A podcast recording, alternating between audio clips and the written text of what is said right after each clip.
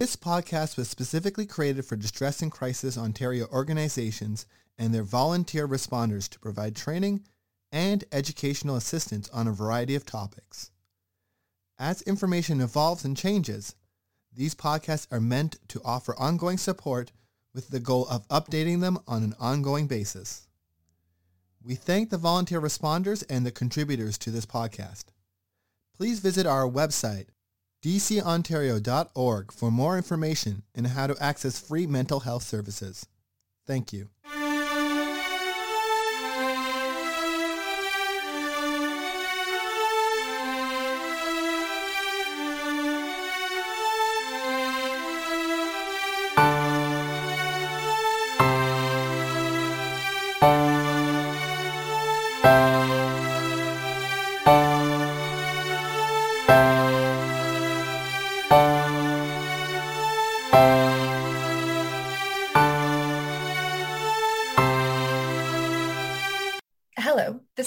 Plant, Program Manager for Distress and Crisis Ontario. Thank you for joining us this week. This week, our guest is Christina Hennelly, and she is the Intimate Partner Violence Specialist and Peer Support Coordinator at the Brain Injury Association of Waterloo Wellington, as well as being a Master of Social Work candidate and brain injury-focused yoga instructor. Christina joins us today to raise awareness of and educate us on the importance of discussing traumatic brain injuries in relation to intimate to intimate partner violence. We would like to provide a trigger warning that today's episode may be difficult for some listeners. Please focus on caring for yourself if the content is challenging for you. So Christina, thank you for joining us today. Could you please begin by telling us a little bit about yourself? Thanks so much, uh, Caitlin, for the beautiful intro. Uh, I'm honored to be here and share my knowledge, uh, hoping to raise consciousness in this area of intimate partner violence and brain injury, uh, and just offer this valuable information to either someone that has an injury or caregivers um, that are supporting somebody uh, that has an injury, just to understand the serious consequences. Uh, again, a bit, a bit, about me. Uh, I've been working in this intersection specifically uh, for many years, my own lived experience uh, with a brain injury became the catalyst for my commitment to this social justice issue and a very serious public health crisis uh, by raising awareness, working to change policy, education to survivors, frontline workers, crisis centers. Uh, I also obtained my advanced neurorehabilitation certificate through Brock University, not only to uh, broaden my own understanding, uh, but to be able to support others. Um, I've been at the Brain Injury Association um, of Waterloo Wellington for over three years now, where I facilitate the peer support program, and that's uh, matching survivors of brain injury with similar experiences as knowledgeable friends to support one another. Um, I also facilitate this program um, with intimate partner violence, supporting survivors and caregivers.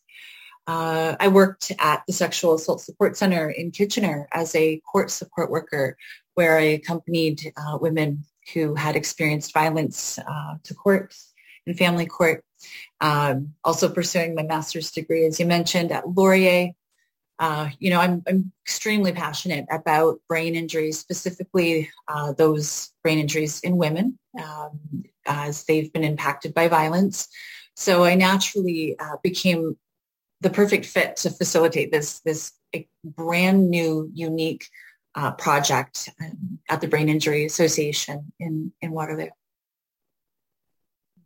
Thank you so much for sharing that. Uh, you are definitely, definitely the person to talk to about this. So for any of our listeners who may not know, what is the Brain Injury Association and what services do you offer there? Sure. So the Brain Injury Association of Waterloo Wellington is a charitable organization devoted to uh, providing advocacy, education, uh, connections and empowerment for individuals with TBI. And I'm going to say TBI. You might hear me say that. Um, it's it's an acronym for traumatic brain injury. Uh, sometimes I might say ABI, and that's an acquired brain injury. So we empower those with TBI and ABI, um, their families in the Waterloo regions. Um, the programs uh, for survivors and caregivers students and, in the general community uh, includes uh, survivor programs uh, with support groups art activities, uh, peer support, uh, professional directory, which is super helpful, technology devices and training, income tax support, social enterprise income opportunities, drop-in chats, uh, survivor stories, even professional services and presentations. We have the healthy living, mindfulness, and yoga programs, and then the intimate partner violence support for survivors with brain injuries. Uh, we also actually have caregiver programs that include support groups uh, and psychologist-led eight-week-long workshops for caregivers, which is unique. Uh, we also have student programs that include a digitized uh, education program on website and a resumption of our curriculum-based in-person education programs uh, for elementary students. Uh, and this year we have um, a special helmet, so bike helmet uh, giveaways, and we gave over um, 1,250 uh, helmets were distributed for few to families um, in need this year. Wow, so a lot going on there for sure. and yeah. definitely important work. Yeah. Mm-hmm. So with everything that you do at the association, why is it important that there be a focus on intimate partner violence in relation to brain injury? Yeah, such a critical question, Caitlin. Uh, when it comes to intimate partner violence, it's it's often overlooked at uh, what goes on here. Uh, I'll tell you a bit about what a traumatic brain injury is. Uh, and it's an alteration or altercation of brain function or other evidence of brain pathology caused by an external force. So it can be caused by getting held underwater, strangulation, uh, shaken violently, a sudden jolt to the body can do that as well. Um, when you consider intimate partner violence, 92% of the incidences involve blows to the face, head, and neck. So it's not surprising that most women who have experienced intimate partner violence also have a brain injury. And this includes mild to severe traumatic brain injuries, which do, you don't have to lose consciousness to have a serious and lifelong disability that impacts someone's everyday functioning. So if you think about it, uh, IPV is very often something that happens over time. Women are at risk of more than one brain injury, sometimes up to several a month. And as a result of these repeated brain injuries, the, the seriousness is exponential. Like the more you get, the worse the outcome. And survivors rarely um, are aware that they have a brain injury and they don't seek care. In fact, 75% of women do not seek medical attention for sus- suspected brain injury. And plus, survivors and healthcare professionals often mistake their brain injury symptoms for emotional distress brought on by the abuse itself. Um, you know, what's more is that brain injuries in men versus women are really different. Athletic injuries have flooded the media in the last, you know, several years, even decades. So thankfully our awareness and the research around brain injuries and their consequences, it continues to expand. Yet all the research around athletic injuries do little to tell us about the brain injuries in women with intimate partner violence. The research is scant. Women's brains are different, different hormones, different levels of stress, chronic stress actually, menstrual cycles. And this all impacts the way a female brain recovers. And as I mentioned, the more brain injuries, the more serious. Um, there's also a co-occurrence uh, many, very often of other mental health issues and worsened physical symptoms like headaches and dizziness.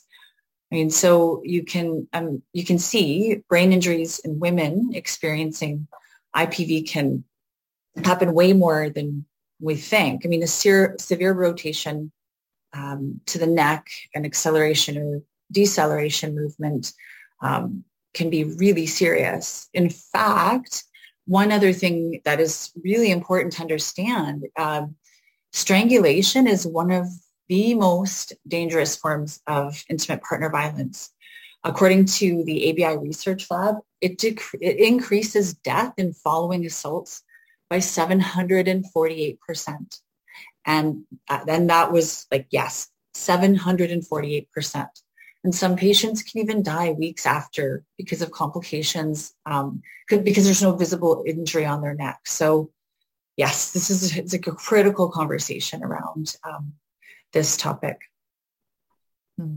I remember when you and I met the first time to discuss this interview and you shared that number with me and it's just as staggering hearing it the second time as it was when you first shared it. I can't, that's, yeah, it's just an incredible number.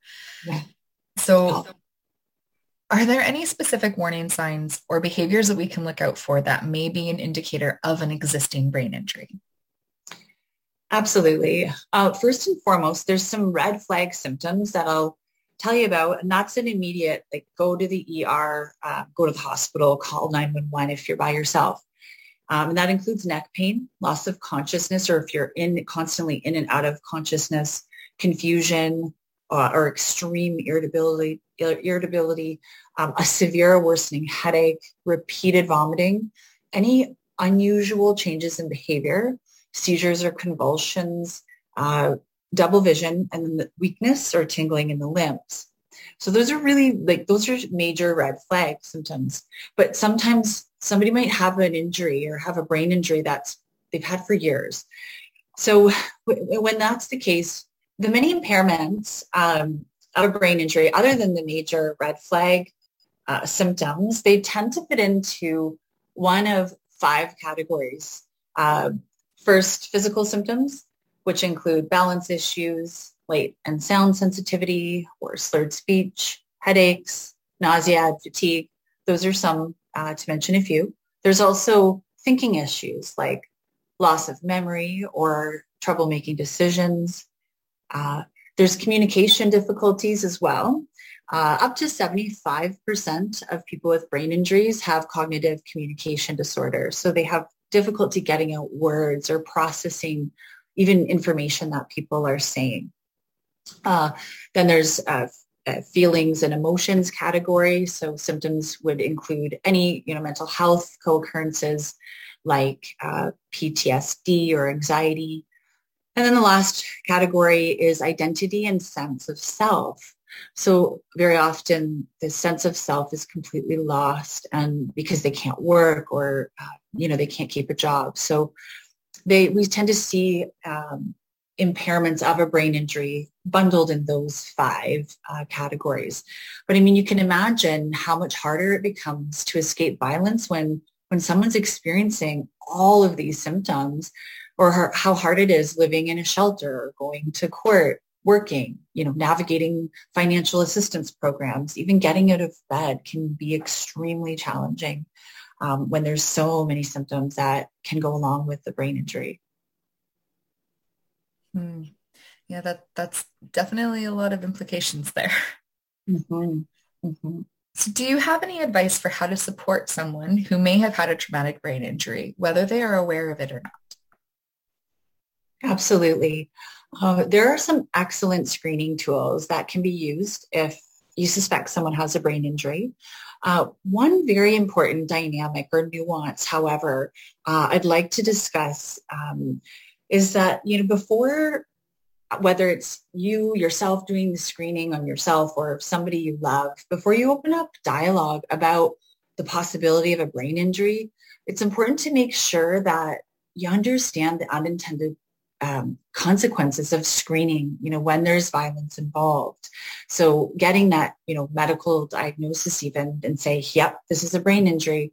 Um, it's important to know that, you know, very often when an abuser finds out a brain injury um, diagnosis exists, they will use it against her to have more power over her, belittle her, call into question her parenting skills, um, and even ability to live independently. So it's crucial that the survivor understand that abusers can use the brain injury to discredit them um, in the legal system, for instance, and can it can be weaponized against her in justice systems, and it may be taken out of context to limit, you know, access to her children. And, and sadly, there's a there's still a lot of stigma attached to getting a full diagnosis, depending on her supports and what she's dealing with doctors and, and many healthcare professionals don't understand the unique complexities that come with being a survivor of IPV and the high degree of vigilance that's needed to keep her information confidential. So you know, the best support is, in, in, in, this is key, is understanding that confidentiality is so important um, and understanding that the proper supports systems around her need to be in place before um, going into understanding that there's a brain injury there and screening for it. I think that that is incredibly important information to share. I know that that's something that I never would have thought of. Um, and, and yeah, you never want to unintentionally make the situation worse for someone. So if, exactly. if there is someone that's listening to this podcast and they realize that they may have cause to be concerned for themselves or someone in their life, what would you suggest their next steps be? Sure. Yeah, again, so first understanding the consequences attached um, to a brain injury diagnosis when there's intimate partner violence. I mean, and then you can you can use a, a screening tool, um, and one that I recommend it's it's called Helps. Uh, it's super easy and comprehensive for people to use because you simply need to remember the acronym HELP or HELPS. So H, um, you know, have you ever been hit in the head? E, were you ever seen in the in the ER, like in the hospital? L, did you ever lose consciousness or get foggy or confused? And remember, you don't need to lose consciousness for there to be a serious brain injury going on. Uh, P, do you experience any of, you know, these problems in your daily life since hitting your head? So we, we there's a, a, list of symptoms uh, on the tool that you would review, um, and they're quite comprehensive. So if there's any yeses there, uh, be aware of it. And then ask any significant sickness. So when there's a brain injury present, there's there's usually a lot of unexplained sickness going on, just feeling not right at all. Uh, when the answer is yes to any of these questions, and there's the proper supports in place, then it's really important to seek medical attention to get a proper diagnosis and, and then any additional medical intervention as required.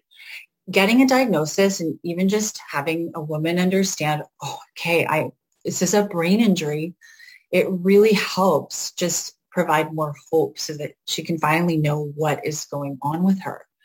Um, another really important section of potential, um, you know, things that are being um, that, that, it's important that listeners should be aware of is the impact um, that it has on teenagers. So for parents of teenagers experiencing violence in an intimate uh, relationship, teens are at the greatest risk of violence in relationships.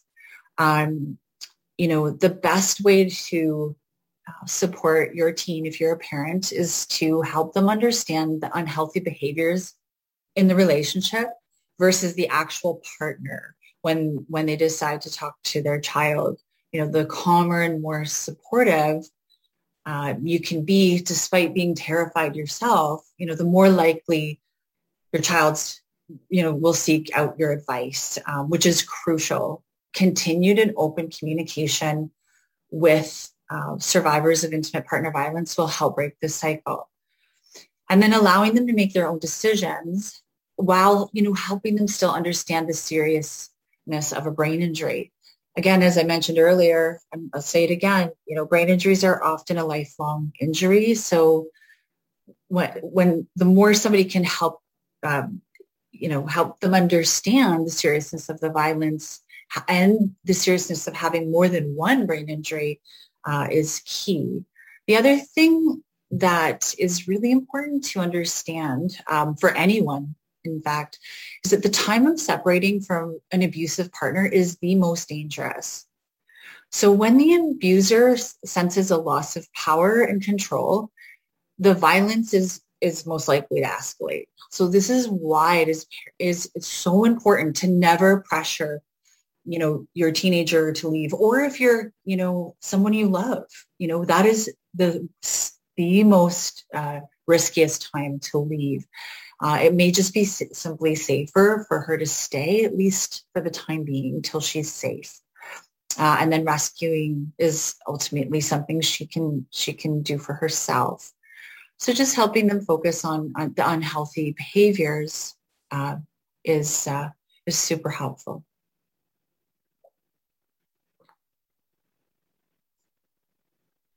Thank you for sharing that.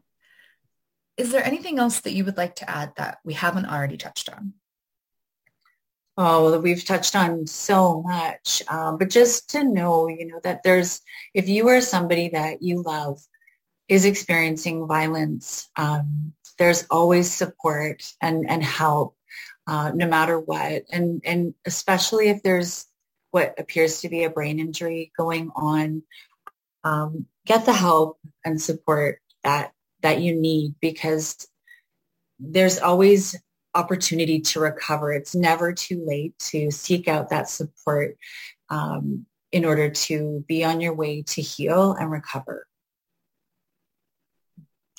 Thank you so much for doing this interview with us today. I know that you have shared some incredibly helpful insights and information, and we really appreciate having you join us.